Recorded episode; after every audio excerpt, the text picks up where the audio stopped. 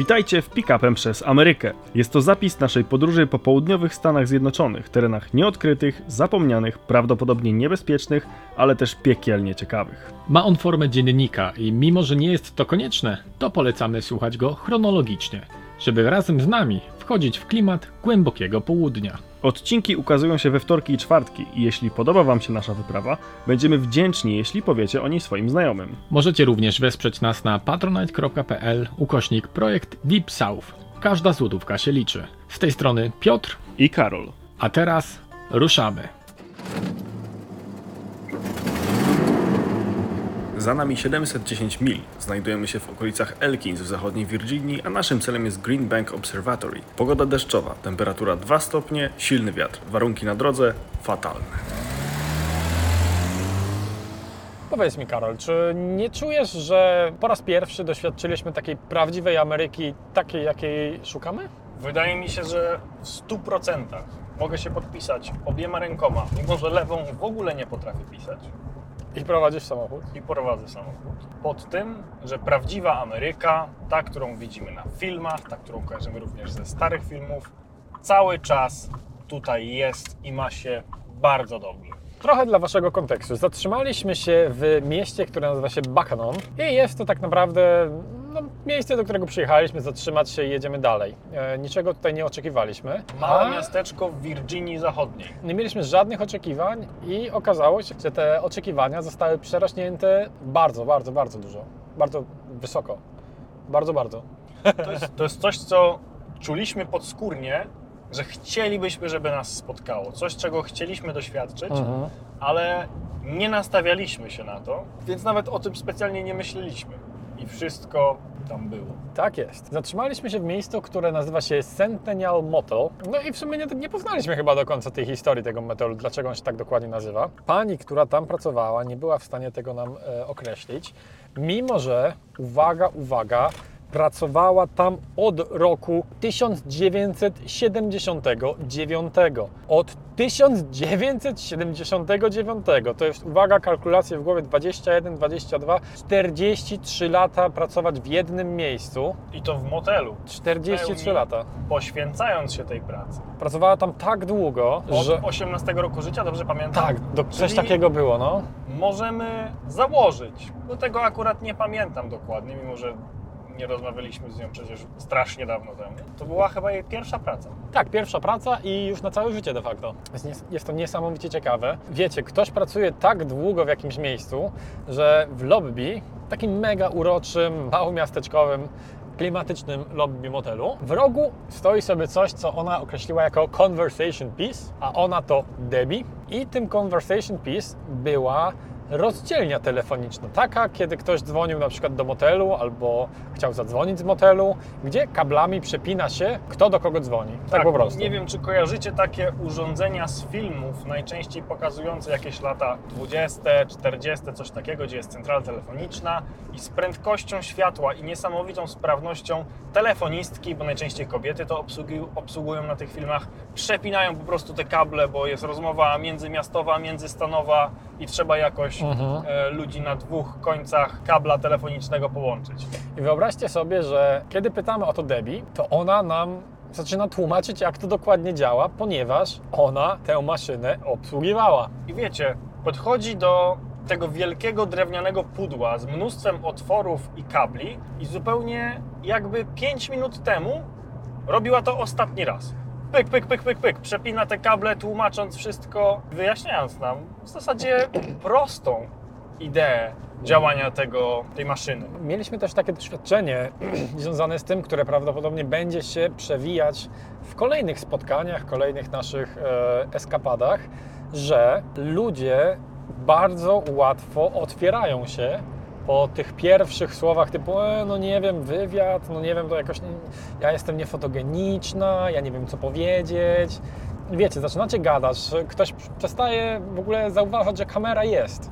Po pierwszych kilku zdaniach i zaczyna opowiadać o swoim życiu. Wiecie, z takiej osoby speszonej, nie wiedzącej co robić, pojawia się taka osoba bardzo rozmowna i chętna do podzielenia się swoją historią. Pewnie też dlatego, że nikt o nią nie pytał nigdy. I cały czas podczas tej rozmowy dokłada kolejne informacje, kolejne fakty, kolejne szczegóły, tak że naszym uszom ukazuje się w pełni kompletna, rozbudowana wizja na przykład historii motelu i okolicy. A motel nie był byle jakim motelem. Jak dotąd uważam, że to był rodzynek i mam nadzieję, że jeszcze na taki trafimy, gdyż był to w pełni klasyczny, Klasyczny oldschoolowy totalnie. motel. Wszystko, co mogło w nim być, klasyczne, takie z żywcem z filmów wyjęte, to było. Bo na przykład nawet taki detal, na który zwróciłem uwagę.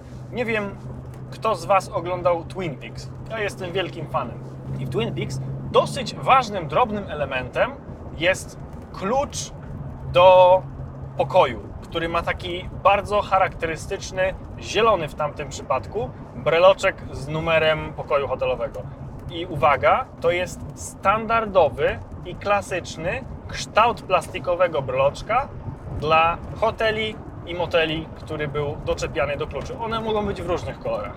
Twin Peaks był zielony, w przypadku Centennial Motel był on czarny, ale traficie też na niebieskie, czerwone i tak dalej, o ile jeszcze traficie, ze względu na to, że wiele moteli przechodzi jednak modernizację, remonty i tak dalej i wymienia się zamki na przykład na cyfrowe, takie otwierane na kartę, a tam zamek był na klucz. Też sam układ tego motelu w klasyczne U e, robił swoje. Też, co ciekawe, było tam, wydaje mi się, paru stałych rezydentów. I to jest w ogóle bardzo popularny motyw, że ktoś mieszka w motelu na stałe, a przynajmniej na przykład na miesiąc, dwa, trzy. Domyślam się, że w sytuacji, kiedy musi sobie jakoś ułożyć życie, bo wydaje mi się, że to jest dobry deal też dla motelowni, gdyż e, najzwyklej w świecie ma stałego klienta, ma, ma pokój, który jest zawsze zajęty. To jest jedna rzecz, a druga rzecz jest taka, że ludzie w skrajnie niekorzystnej sytuacji materialnej w życiu. Dużo łatwiej jest im wynajmować pokój w motelu, bo są w stanie w dłuższym okresie wynegocjować sobie lepsze ceny, to po pierwsze, a po drugie, nie muszą płacić raz w miesiącu dużej sumy za czynsz, tylko na przykład mogą płacić wtedy, kiedy akurat mają pieniądze, mniejsze sumy.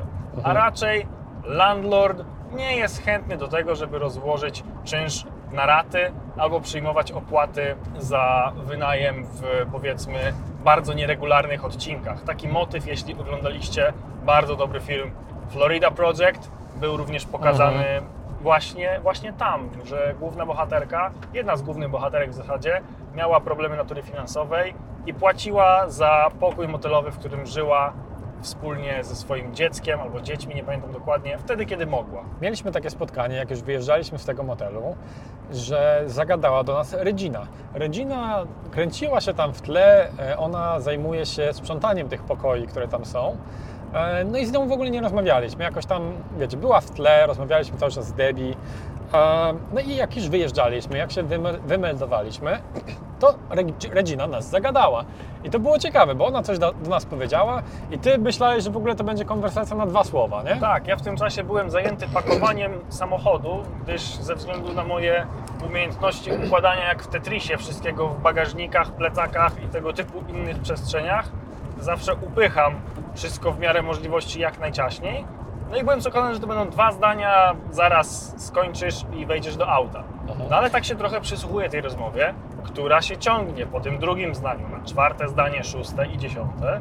No i w pewnym momencie po prostu przestałem robić to, co, to, co robiłem i podszedłem, żeby się przysłuchać, bo robiło się naprawdę ciekawie. Regina zaczęła nam opowiadać tak naprawdę swoją historię życiową i to, jak znalazła się też w tym motelu. Powiedziała, że w końcu zapuściła korzenie. Tak mówiła, że już chyba nikt jej z tych korzeni nie wyrwie, że kupiła, czy sobie, czy kupiła, czy, czy ma po prostu e, dom, w którym zamieszkuje i od 8 lat jest już w Bakanon i że nie będzie się już z tego stanu ruszać. A dlaczego o tym mówiła? Ponieważ żyła w trzech różnych stanach i były to trzy nieudane małżeństwa. Poza tym, że były to trzy stany i trzy małżeństwa, to był jeszcze jeden problem, który przez wszystkie te stany się za nią ciągnął. Oczywiście pomijając problemy, które się wiązały z tymi nieudanymi małżeństwami, jakie to były problemy, możecie się domyślić, jeśli chodzi o życie bardzo doświadczonej kobiety, ale mianowicie głównym problemem w jej przypadku był alkoholizm, Mhm. o którym bardzo otwarcie mówiła. Zdecydowanie było widać po niej, że no domyślam się, że przeszła przez tam te programy anonimowych alkoholików, czy, czy w inny sposób sobie poradziła, ale co było takie bardzo miłe w tym, jak się patrzyła na to, co ona mówi, to to, że nie miała w sobie żadnego takiego poczucia winy, czy, czy jakiegoś e, poczucia upokorzenia, tylko zaakceptowała to, jaka ta przeszłość była i teraz po prostu postanowiła żyć najlepiej jak może. I też e, mówiła, że mieszkała w Kentucky, do którego w ogóle ona opowiadała o tym, jak można w ogóle za darmo pić alkohol i tak dalej, że chodziła do barów, że stawiali alkohol, więc to w ogóle nawet nie było związane jakoś specjalnie z problemami finansowymi, bo alkohol miała za darmo de facto, ale pewnego razu poznała trackera chyba, tak? Tak, kierowcę ciężarówki. który e, powiedział jej, że zabiera ją ze sobą do Kentucky i on sprawi, że ona wytrzeźwieje. I ona powiedziała coś w stylu He made me sober. No domyślam się, że były to rzeczy typu, nie wiem, chodzenie wspólne na spotkania albo inne, tego nie wiemy. I to było bardzo miłe, ponieważ no, miło, mimo, że, że ten związek się nie udał, to nadal wyszła z tego o wiele lepszej pozycji niż była wcześniej. Więc bardzo otwarcie mówiła o tym, że lubi smak alkoholu. Wymieniała swoje jakieś ulubione rodzaje alkoholu, ale w ogóle jej teraz do tego nie ciągnie. Plus wie, tak w pełni świadomie i racjonalnie, że nie może wrócić do picia i tego nie zrobi. Mhm. Więc mamy nadzieję, że u rodziny będzie wszystko dobrze. E, też na koniec rodzina też wtrąciła się do naszej rozmowy z Debbie. E, powiedziała o Debbie, że ona nawet jak wrócimy za 5 lat, ona nadal będzie pamiętać nasze imiona, więc zobaczymy, czy tak będzie. E, jak już za te 5 lat wrócimy do Buchanan, West Virginia. Szczerze mówiąc, jestem w stanie w to uwierzyć, bo podczas wywiadu zadawaliśmy jej takie pytania, jak co sprawia, że motel w jej wyobrażeniu jest taki klasycznie, typowo amerykański. I powiedziała, że gościnność, to jak traktuje się gości właśnie, Mhm. żeby poczuli się, jakby byli starymi znajomymi albo nawet członkami rodziny. I faktycznie byliśmy świadkami czegoś takiego. Ze względu na to, że chwilę przed tym, jak zadaliśmy jej pierwsze pytania, wchodzi jakiś facet, taki starszy, i ona mówi: Cześć, John. On jej odpowiada, że cześć, i po prostu z jednego końca lobby do Tak, niej praktycznie klucz. rzuca klucz. No więc pytamy, kim jest John, czy on tutaj pracuje, czy, czy znacie się od dawna. Ona mówi: Nie, znam go od wczoraj, jest gościem. Ale ta atmosfera, która była tam wytworzona, była po prostu no tak niesamowicie ciepła i przyjacielska, że ciężko było w to uwierzyć, że znają się od wczoraj. Właśnie, bo jeśli myślimy na przykład o hotelu, to najczęściej jest tam tak, że no, ludzie pracują tam, to jest taka praca tymczasowa, nie? E, Często młode osoby, studenci, ktoś po prostu chce dorobić, a wydaje mi się, że w motelach jednak często są ludzie, którzy są tam po prostu na stałe i jest to po prostu ich praca. Trochę ich życie też często. trochę ich życie. Ale dlaczego mielibyśmy jeszcze chęć i możliwość wrócenia do Buchanan? Ponieważ jest tam najlepsza donaciarnia na świecie. Bez dwóch zdań. nie wiem, jak często i z jak różnych miejsc w Polsce jedliście donaty. Ja mam, ja naprawdę lubię pączki, uwielbiam donaty. Z takich powszechnie dostępnych, pewnie dziwnie to zabrzmi, uwielbiam te z Biedronki. Uważam, że są, Są lepsze pyszne. niż te z Lidla. Są okropne, ale pyszne. Mimo, że akurat jestem całkowicie Team Lidl, ale jeżeli na przykład jesteście z Warszawy, no to wiecie, że jest przynajmniej jedna kultowa miejscówka z donatami. Teraz nie pamiętam jak się nazywa, więc nie będę próbował wymyślać nazwy. No a we Wrocławiu na przykład jest Bajta Donat. W Bajta Donat dostajecie takie wielgachne Wielkie skurczybyki, pączki, takie często śmierć prze- cukrowa. przepakowane, że na przykład wiecie, pączek Twix zawiera w sobie realnie fragmenty pokruszonego Twixa, jest ogromny. No i często to jest jakby pączek, polski pączek, tak? Chyba taki, to nie, nie, to nie jest chyba pączek z dziurą w środku. Właśnie one są z dziurą, no bo mimo wszystko jest to bite a donut, tylko że te pączki są absolutnie ogromniaste. Mm. Ze znanych sieciówek, z których mogliście ewentualnie jeszcze chociażby w Niemczech jeść donaty, jest Dunkin' Donuts, którego w Polsce niestety nie ma. Kiedyś chyba przez chwilę był, jest to sieciówka amerykańska, ale mm, no nie znaleźli dla siebie miejsca Mhm. na rynku, więc się zawinęli. No i jeżeli porównamy smak dowolnego z tych pączków, z Wrocławia, z Warszawy, z Dunkina, Połączymy je Biedronki, wszystkie w jedno, dodamy ich e, wynik. najlepsze cechy tych pączków, to w ogóle nie mają podjazdu Żadnego. do pączków z małego, niepozornego donut shopu w Baccanon z Virginii To Zachodniej. chyba nawet nazywa się The Donut Shop. The Donut Shop, dokładnie. Wybór ogromny. Naprawdę, myślę, że z 16 różnych rodzajów pączków tam było. I to tylko tych z dziurą. I to tylko tych A z były dziurą. jeszcze takie bez dziury. Dokładnie tak. Ale co ciekawe, one rozmiarowo wcale nie były duże. Nie. Nie były też niesamowicie ciężkie, przepakowane tłuszczem i tak dalej. Były to takie całkiem lekkie, średniej wielkości pączki. Mhm. Ale jej, smaki tych polew, ciasta, jego konsystencja, no to wymaga konkretnych umiejętności, konkretnej receptury i ja mam mimo wszystko wrażenie, jakkolwiek dziwnie by to nie zabrzmiało, że konkretnego miejsca, żeby uzyskać tak dobry efekt. Pączek z polewą, z syropem klonowym absolutnie skradł moje serce i podniebienie. Był przepyszny. Ja jestem wielkim fanem e, mojego pierwszego wyboru, który okazał się być najlepszym wyborem. Em, Dla mnie jest to borówkowy, blueberry. To jest w ogóle bardzo charakterystyczny owoc dla amerykańskiej kuchni, blueberry. Bo, bo to borówka amerykańska? Pewnie tak. No ale też z tymi pączkami, pączkarnią wiąże, wiąże się więcej historii niż tylko to, że są tam super pączki. Bo było to drugie miejsce, do którego poszliśmy z kamerą, żeby trochę przemaglować ludzi, którzy tam pracują. No i też parę fajnych rzeczy się tam udało, udało uzyskać, często takich nawet emocjonalnych. Pamiętam, że osoba, z którą rozmawialiśmy, pracowała tam, pracuje tam w zasadzie 27 lat. Mhm. Brenda, bo tak Brenda. pani miała na imię, opowiedziała nam o tym, jak to miejsce w ogóle było ważne i nadal jest ważne dla lokalnej społeczności. I to w sensie takim, że było to po prostu meeting place.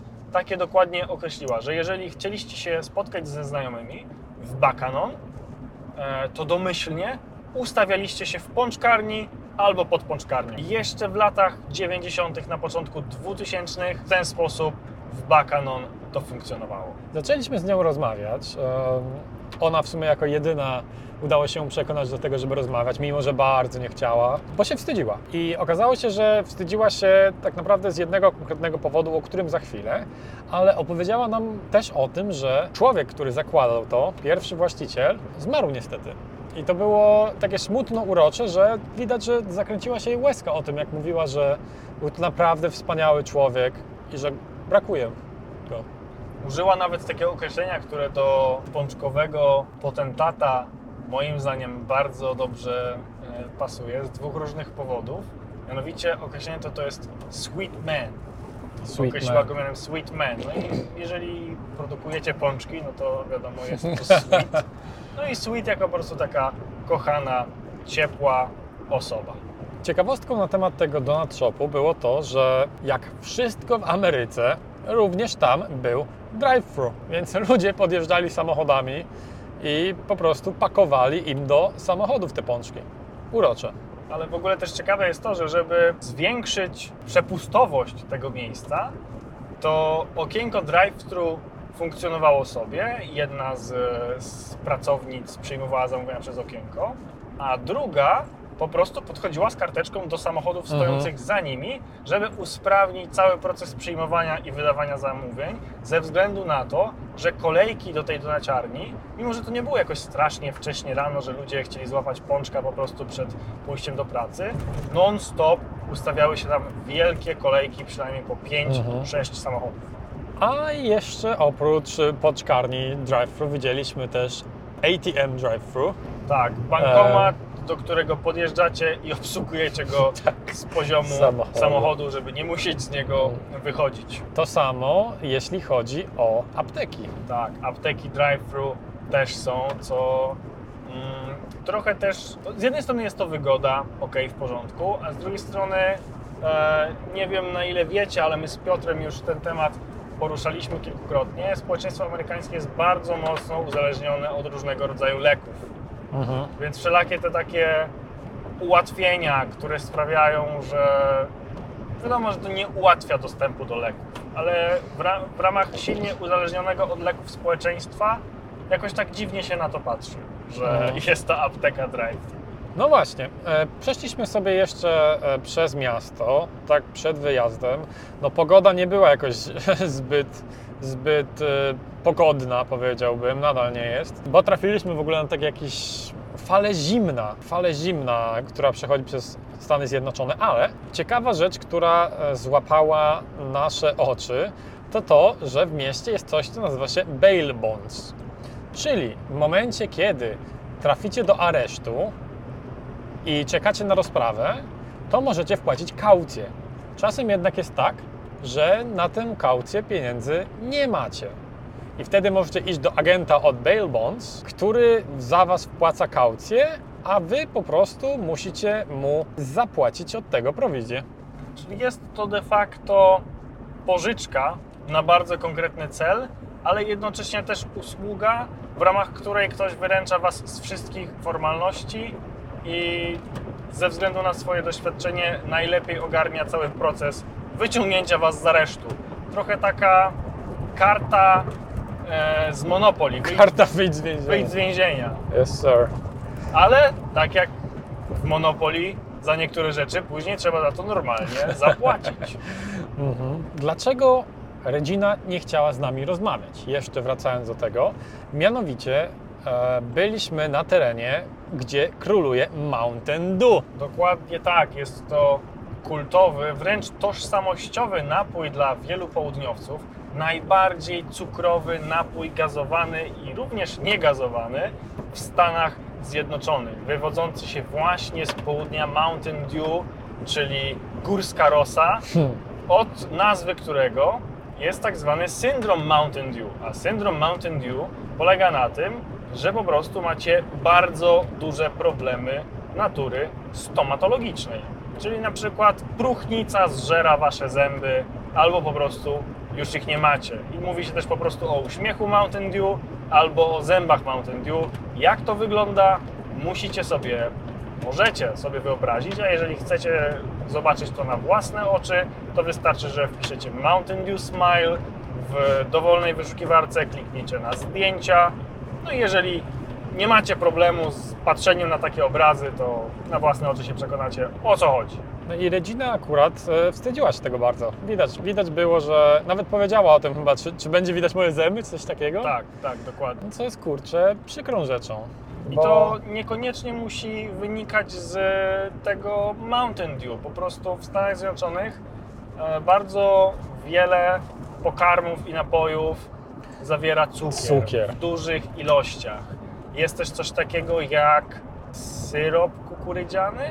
Corn, Corn syrup. Mhm. Czyli substancja słodząca, e, którą się, o której się mówi, że jest jedną z gorszych substancji słodzących, jakie mogą być użyte do czegokolwiek. Ten corn syrup we wszystkich najtańszych rzeczach jest bardzo powszechnie wykorzystywany. Świadomość też, jak należy dbać o zęby w wielu miejscach jest niska. No i wiecie, problem braku albo znikoma publiczna opieka zdrowotna. No ja wiem, że w Polsce też trzeba słono płacić za dentystę, tak jak wszędzie, no ale po prostu ludzi bardzo często na to nie stać. No i niestety te zęby im albo wypadają, albo są wyrywane, jeżeli są już w złym stanie, no albo w takim bardzo złym stanie w jamie ustnej zostają i niestety nie wygląda to najlepiej. Regina się trochę tego wstydziła, z jakiego powodu tych zębów nie miała. Nie wiemy, a czy to nie jest tak, że Wydaje mi ogóle się, nie że miała też, zębów? że też mówiła o tym, że po prostu pracowała w donaciarni. Gdzie tam jeszcze jednak jest słodko, słodko, słodko często.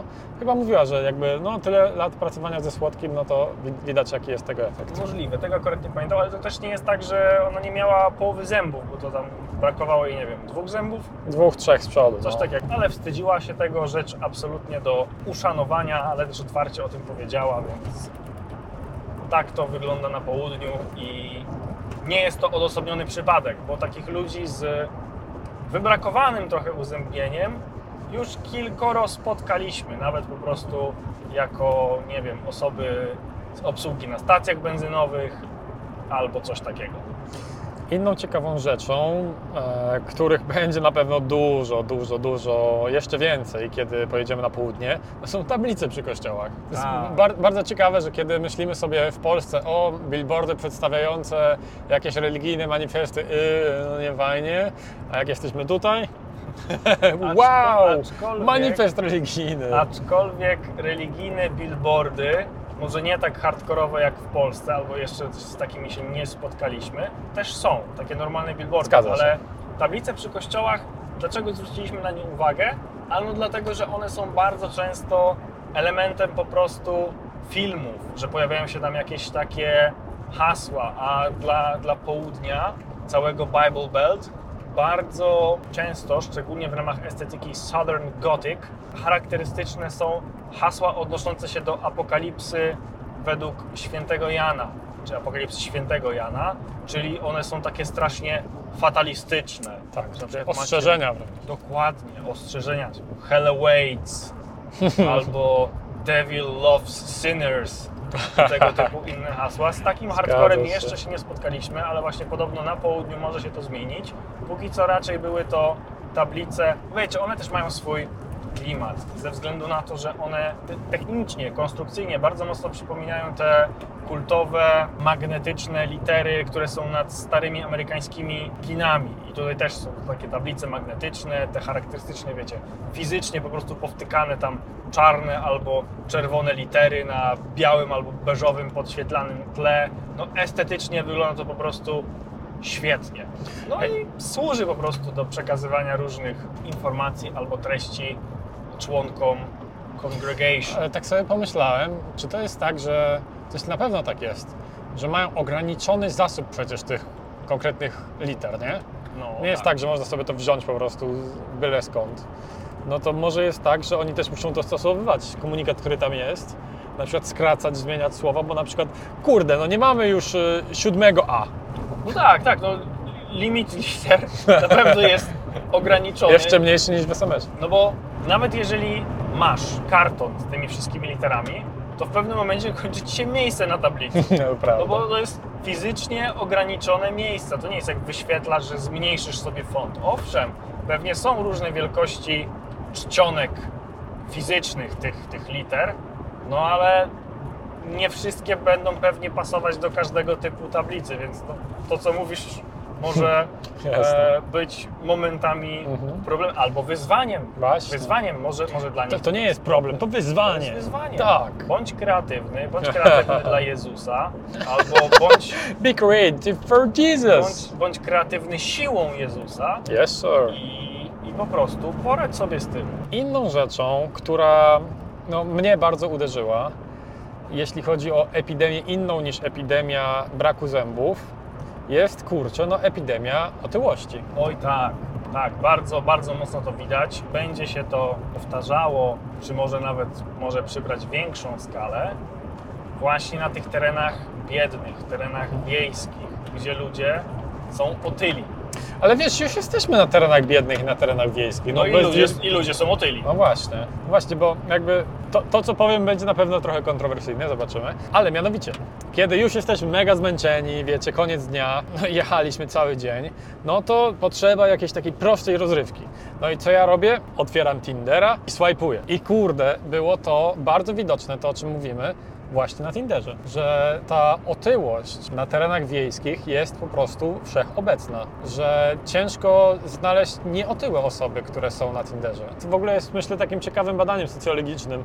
Wchodzisz na Tindera w danym miejscu i widzisz, jak się zmieniają, jak ludzie wyglądają inaczej. No ale tutaj to było po prostu przykre, Ale bo taki charakterystyczny model dziewczyny z zachodniej Virginii, obecnej na Tinderze, który na podstawie tych przesłajpowanych, nie wiem, ze 100 osób no tak, coś takiego. przynajmniej, byłeś w stanie wypracować, to standardem było to, że właśnie większość z nich była otyła, jakieś 90%.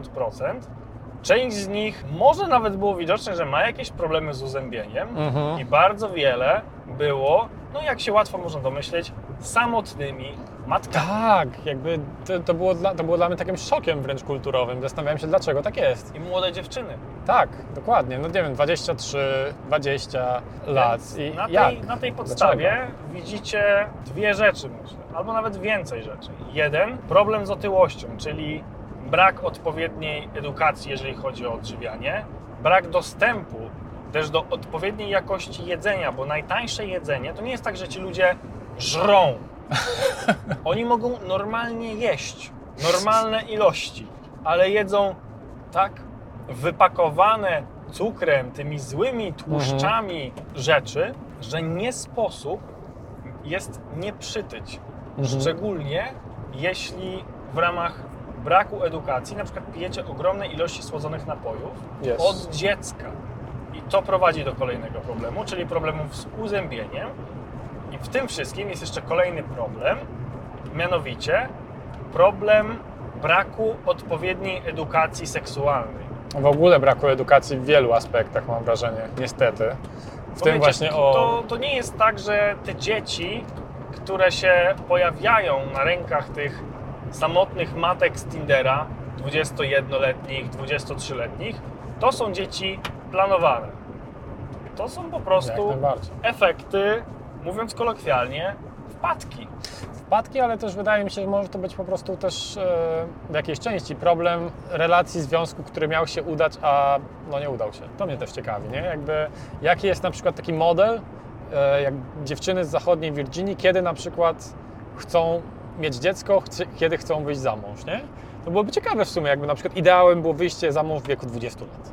Myślę, że tam im szybciej wyjdzie się za mąż, tym lepiej. Zaobserwowanie pewnego faktu jest po prostu zaobserwowaniem faktu. To nie jest tak, że my oceniamy, tak, że mówimy, że coś jest nie halo, tylko po prostu zwracamy uwagę na jakąś no, normę. to, to, co tam występuje, tak. A co tam jeszcze występuje?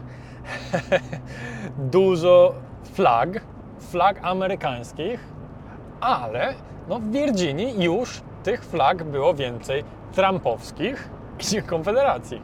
Różnorodność, różnorodność flag się zdecydowanie zaczęła w Virginii Zachodniej, szczególnie na tych wiejskich terenach i tak jak Piotrek mówisz, były to flagi Trump 2024, ich było całkiem sporo i zaczęły się pojawiać pojedyncze sztuki, egzemplarze flag e, Konfederacji, tej słynnej flagi z okresu wojny secesyjnej. Mimo, że jeszcze nie dotarliśmy na takie prawdziwe południe, to już się to zaczyna. Co ciekawe, Trump e, z hasłem Trump 2024 jeszcze tak naprawdę nie wystartował z kampanią. W zasadzie to chyba nawet nie jest potwierdzone. Nie, no dokładnie, nie jest jeszcze potwierdzony, czy kandyduje, ale tak mocno ludzie tam siedzą w tym temacie, że już teraz, już teraz e, deklarują swoje poparcie. No ale to chyba wynika z tego, że to jest też trochę takie poparcie dla opozycji, powiedzmy, nie? Dla takiego systemu, establishmentu i tym podobnych rzeczy.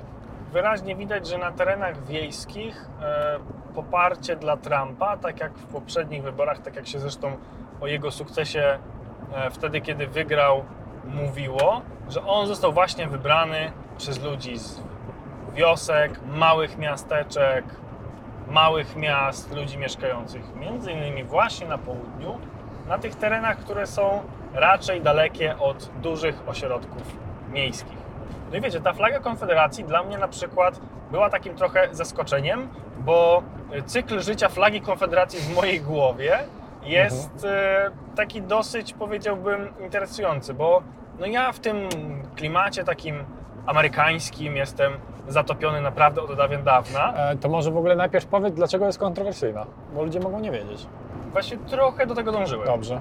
Trochę do tego dążyłem, więc od dawna jestem e, w tym takim mocno hardkorowo amerykańskim klimacie i właśnie od dawna tak trochę wzdycham, wiecie, nostalgia za czasami, w których się nie żyło i nostalgia za miejscem, w którym się nigdy nie żyło, czyli te tereny wiejskie, klasyczna Ameryka, te dinery i tak dalej, i tak dalej. I dla mnie od zawsze flaga Konfederacji była symbolem związanym właśnie z tą częścią Ameryki. I dla mnie to nie oznaczało absolutnie nic więcej. Że jak jest konfederatka, to znaczy, że country, że pick-upy, że wieś, No, do że pick-upów jeszcze wrócimy. i tak dalej. A ja w ogóle nie kojarzyłem jej z niczym kontrowersyjnym. I od pewnego momentu zaczęły się pojawiać jakieś takie głosy, że no ta konfederatka to tak w sumie nie powinna się pojawiać publicznie. Dlatego, że ona raczej jest w Stanach kojarzona jako symbol osób o poglądach skrajnie prawicowych, Rasistowski. rasistowskich, odnoszących się z nostalgią do no właśnie czasów wojny secesyjnej, Niewolnictwa. konfederacji, nie, niewolnictwa i wszystkiego, co się z tym wiąże. W krótkim czasie tak naprawdę musiałem zrewidować swoją sympatię do flagi Konfederacji, bo się okazało, że co z tego, że ja mam zupełnie coś innego w głowie. Co z tego, że na koncertach Leinert Skynert, tudzież Lynyrd Skynert, jeżeli ludzie machali tą flagą, to często chodziło im właśnie o to country, o południową tożsamość, a nie, nie o rasizm. Skoro dzisiaj ta flaga jest jednoznacznie z rasizmem kojarzona. Mhm. No i cóż, mimo tego, że estetycznie mi się podoba, mimo tego, że kojarzy mi się zupełnie z czymś innym, no to niestety swoją konfederatkę musiałem schować do szafy, mówiąc kolokwialnie, i nigdy w życiu po nią już nie sięgnę. Ale może sięgniesz po symbole masońskie, Karol, których to loży w Ameryce jest ogrom.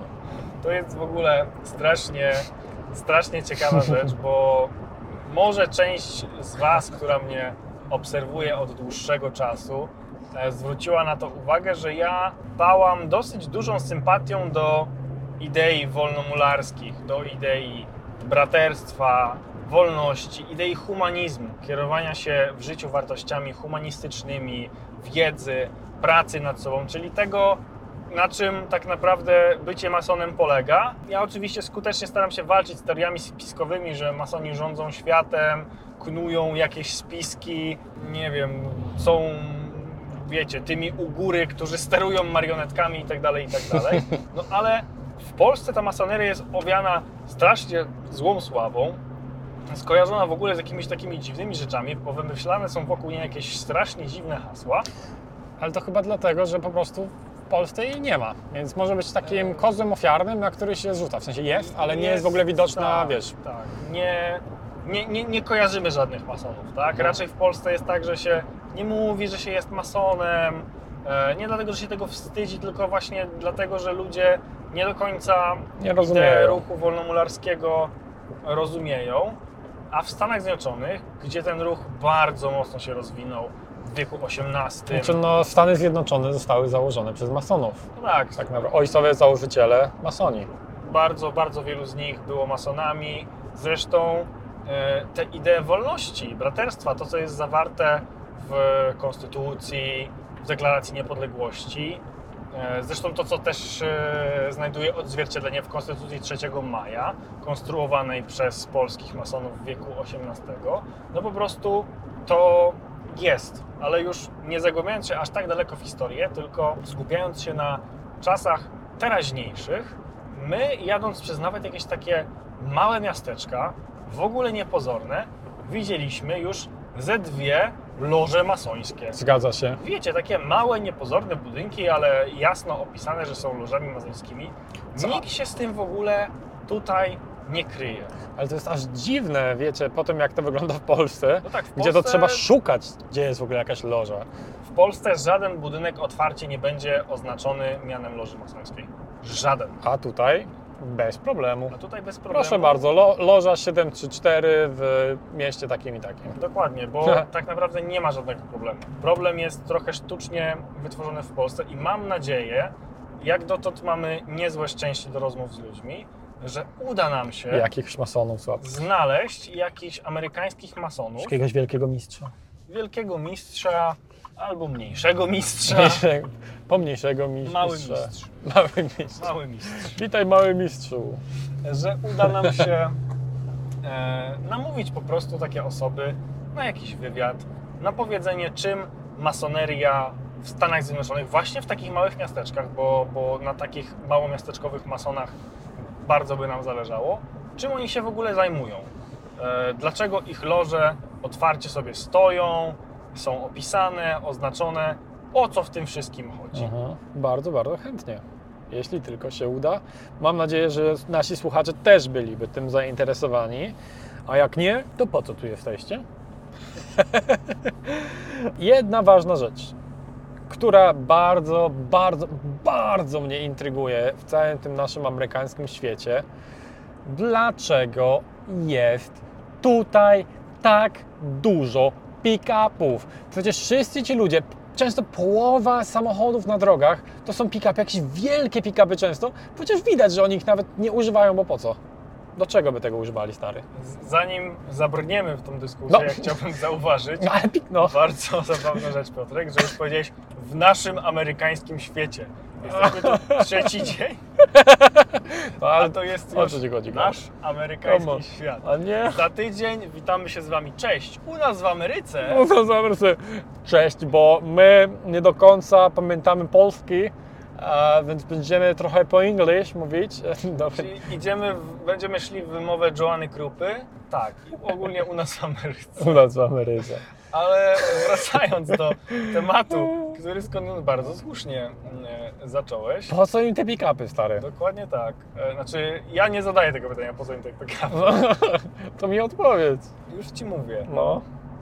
To jest, jak z wieloma rzeczami w Ameryce, to jest rzecz kulturowa. Back in the days, widzicie, już zapominam języka No polskiego, właśnie. oto ongiś, On jakiś odegdaj. onegdaj, w Stanach Zjednoczonych y, stawały się dzięki na przykład panu Fordowi, masonowi swoją drogą, jeżeli dobrze pamiętam, e, bardzo popularne tanie samochody, Fordy T. Wiecie, Ford T, pierwszy samochód Ale to nie był pick-up. powszechnie dostępny, no nie był, No po co ale bardzo szybko zaczęły być te pierwsze Fordy dostępne również w nadwoziu typu pick-up. Okej. I był ku temu bardzo prosty i Mhm. pragmatyczny powód, dlaczego tak jest.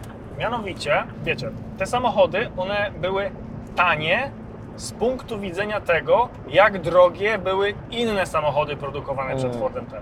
Były dostępne tylko i wyłącznie dla bogatych ludzi, a biedni mogli sobie co najwyżej o nich pomarzyć. A bardzo często osobami właśnie takimi nie do końca zamożnymi byli na przykład farmerzy albo rancherzy, którzy kupując pierwsze Fordy T, chcąc mieć samochód, który nie oszukujmy się, jest zupełnie inny, nawet ten pierwszy, do jeżdżenia niż koń. Jeśli chodzi Niż, o... niż co? Niż koń. Niż Niż okej. koń, niż, niż, Okej. niż, niż bryczka za, Niż zaciągnięta koń, w konie, czy jakiś tam wóz, powóz, karoca No. e, i tak dalej. Więc oni po prostu z pragmatycznego punktu widzenia chcieli mieć samochód, bo chcieli mieć samochód. Ale Rozumiem. zaczęli dostrzegać, że brakuje im właśnie tej funkcji, którą ma wóz, gdzie można masę rzeczy na niego załadować i po prostu Mhm. przewieźć. Więc sprytni farmerzy na własną rękę zaczęli przerabiać pierwsze samochody powszechnie dostępne, pierwsze Fordy T właśnie na pick-upy. Co ty mówisz? Tak, takie z drewnianym nadwoziem, bo im po prostu było to potrzebne do życia. I oczywiście pan Ford, a raczej pracownicy pana Forda, dosyć szybko podłapali ten trend i chwilę po tym, jak te pierwsze Fordy zaczęły wychodzić, Ford zaczął oferować normalnie pierwsze e, pick-upy z fabrycznie zrobionym nadwoziem typu pick-up, czyli z tą paką. Nice. A dlaczego taki farm, dl- dlaczego dla takiego farmera wtedy, na początku XX wieku było to super rozwiązanie, później w latach 30., 40., 50., kiedy bardzo mocno te pick-upy się upowszechniły i dalej w 60., 70., 80., etc., etc., etc. Dlatego, że mogli oni sobie pozwolić wtedy na jeden samochód. Jeden samochód, którym można było zawieźć dzieci do szkoły, jeden samochód, którym można było pojechać po zakupy, jeden samochód, którym można było szybko i dużo bardziej bez problemów zawieźć kogoś do lekarza w sytuacji, nazwijmy to, kryzysowej czy awaryjnej, i jeden samochód, który służy jako samochód do pracy na roli Mhm. a pick-up spełniał wszystkie te funkcje. Prze przewiezie osoby, przewiezie osoby, przewiezie ileś beli siana, klamotów i innych rzeczy, zrobi to bez problemu. Nie pada ci na głowę w momencie, kiedy nim jedziesz, nie pada. I nie, nie ma też koni, których, które Aha. musisz... e, Tylko mechaniczny. tylko, tylko są konie mechaniczne. I bardzo długo e, były to jedyne samochody w rodzinie tak naprawdę. Właśnie pick-upy, bo pełniły dwojaką funkcję. I oczywiście w pewnym momencie Amerykanie byli już na tyle zasobnym społeczeństwem, samochód bardziej zaczął być kojarzony z tożsamością, tak? To, jaki samochód wybieram jako Amerykanin, świadczy o mojej osobowości. Pojawiły się te wielkie krążowniki szos, ważące po 3,5 tony osobówki. I dużo osób chciało takimi jeździć, ale nadal dla wielu osób e, było to na przykład wspomnienie z dzieciństwa. Jeżeli Mhm. jechałem do wuja na farmę, do dziadka na farmę, to No. był tam pick-up. Jeżeli mój ojciec jest powiedzmy, czy był hydraulikiem, elektrykiem, to prawdopodobnie używał pick-upa, bo było to po prostu jego auto robocze. Więc sentyment, kultura, obecność tych pick-upów od zawsze, w, od, oczywiście od momentu, kiedy pojawiły się pierwsze samochody w życiu Amerykanów sprawiły, że nawet jak Amerykanie pick-upa nie potrzebują, to bardzo chętnie po niego sięgają. Czyli po co Amerykanom pick-upy? Po nic. Nie, No jak nie? nie. No po co, po, po co stary im pick-upy, jak przecież nie wożą na nim beli siana ani nic. No jeżeli ktoś nie wozi Belisiana, to nie wozi Belisiana, ale jeżeli byś zobaczył na samochody używane w różnych firmach, typu Stary, jedna trzecia ludzi, którzy pick-upy mają, w ogóle nie używa, nigdy stary nie zapakowała nic na pakę. jedna trzecia. Jedna 30% stary. Jak masz, jak sprzedaje się milion e, Fordów 150, F-150 w roku, to 330 tysięcy ani razu stary nie używa paki. To po co im ten samochód? Z sentymentu. Kurde, no dobra, okej, rozumiem. Z sentymentu. Mają to po prostu No dobra. kulturowo wdrukowane w głowie. I bardzo często są to mężczyźni, że oni nie jeżdżą samochodem, car, tylko mają truck, Truck. Pick-up. Bo jeżeli nie widzieliście nigdy na oczy, co nie jest aż tak bardzo nieprawdopodobne, takiego amerykańskiego pick-upa, to one są kurwa gigantyczne. Są skurczybyki ogromne. bebech. Naprawdę, To są Maria. wielkie, jak bebech Phila Collinsa, e, na który po prostu nie da się nie gapić i tak samo jest z tymi pick-upami. Tak, to, Jeżeli... to jest e, chłopaki z baraków, jak coś. Dokładnie Żeby tak. było wiadomo o co chodzi. E, E, Jeżeli nawet widzieliście, nie wiem, Rama 1500, to są chyba najpopularniejsze te tak zwane full size pick-up w, w Polsce. Jest ich całkiem sporo, to on jest duży, no, duży. ale Taki GMC, kurde, jakiś ogromny po prostu, Jezu. GMC są po prostu przeogromne. No. Stoicie przy takim samochodzie, on jest większy od Was i macie takie, ale on jest ogromny. Ale tak absurdalnie, te GMC, te nowe GMC, e, kilka razy już mieliśmy obok takiego na przykład zaparkować, co jest No. absolutnie śmiesznym widokiem, gdyż pick-up, którym my jeździmy, jedziemy, Cały pick-up. Silverado to nie jest full size E, pick-up, Colorado. to jest taki Colorado, Colorado, tak, Silverado to są te większe. E, nasz Chevy Silverado jest po prostu taki malutki. Taki baby pick-up. Taki baby pick-up, także... e, Taki dla nas. jest nawet wśród e, właśnie fanów amerykańskiej motoryzacji, w sensie wśród Amerykanów, prawdziwych Amerykanów, takie E, powiedzenie, fuck yeah. że haha, widzieliście Kyla, no Forda Rangera i mówi, że jeździ truck. To nawet E. nie jest pick-up.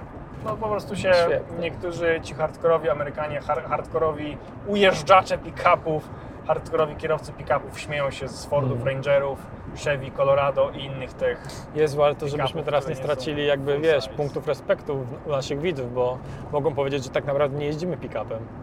Ale jeździmy pick-upem, prawda, Karol? Jak, no tak. No, to dobrze. Jak, jak na warunki polskie, to pick up as hell. Mm.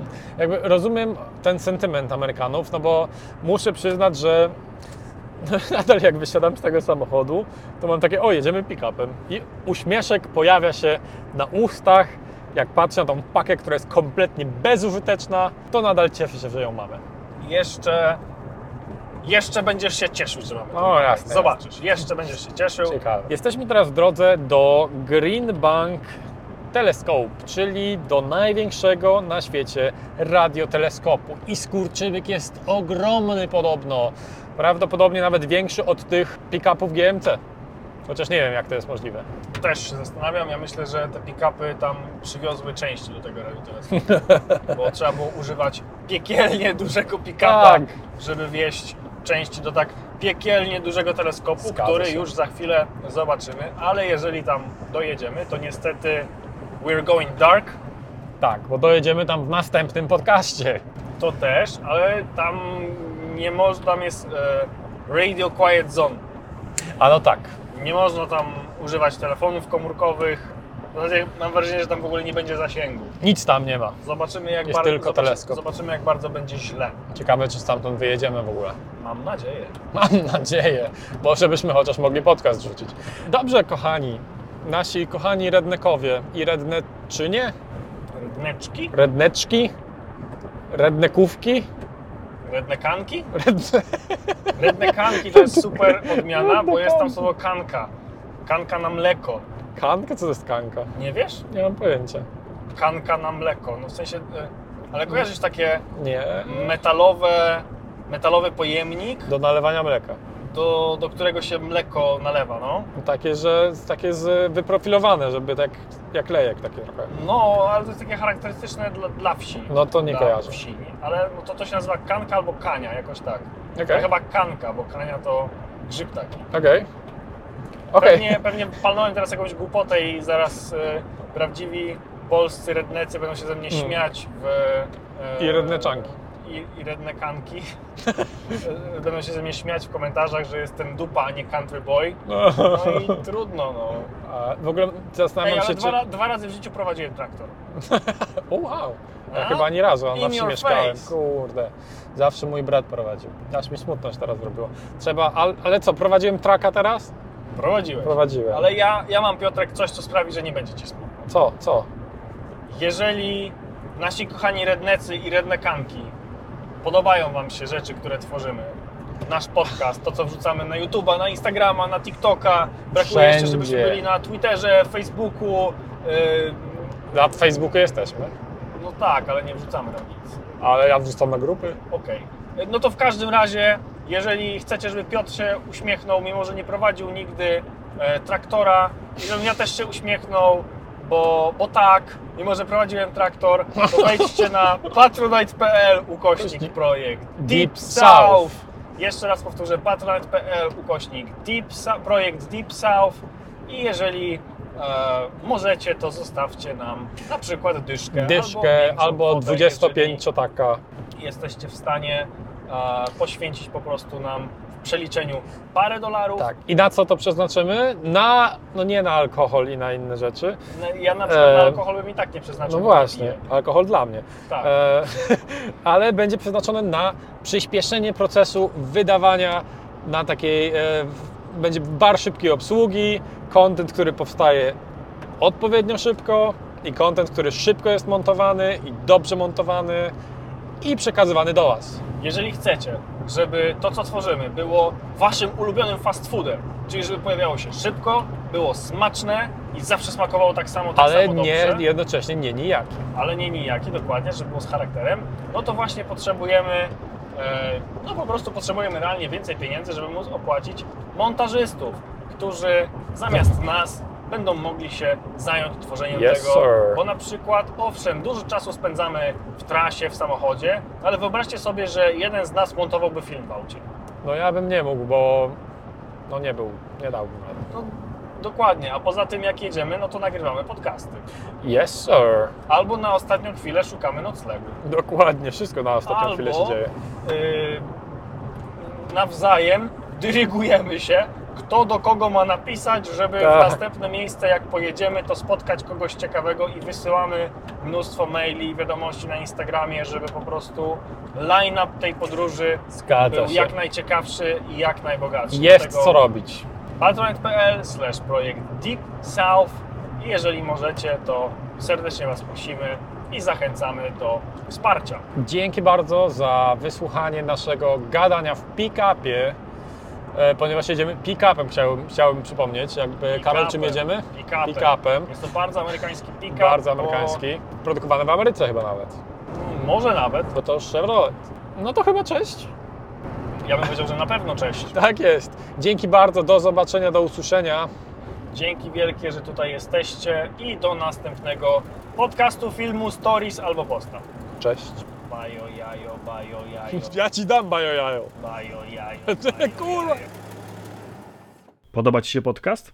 Wesprzyj nas na patronite.pl ukośnik projekt Deep South i obserwuj na mediach społecznościowych, Instagramie, TikToku i YouTubie. Wszystkie linki znajdziesz w opisie.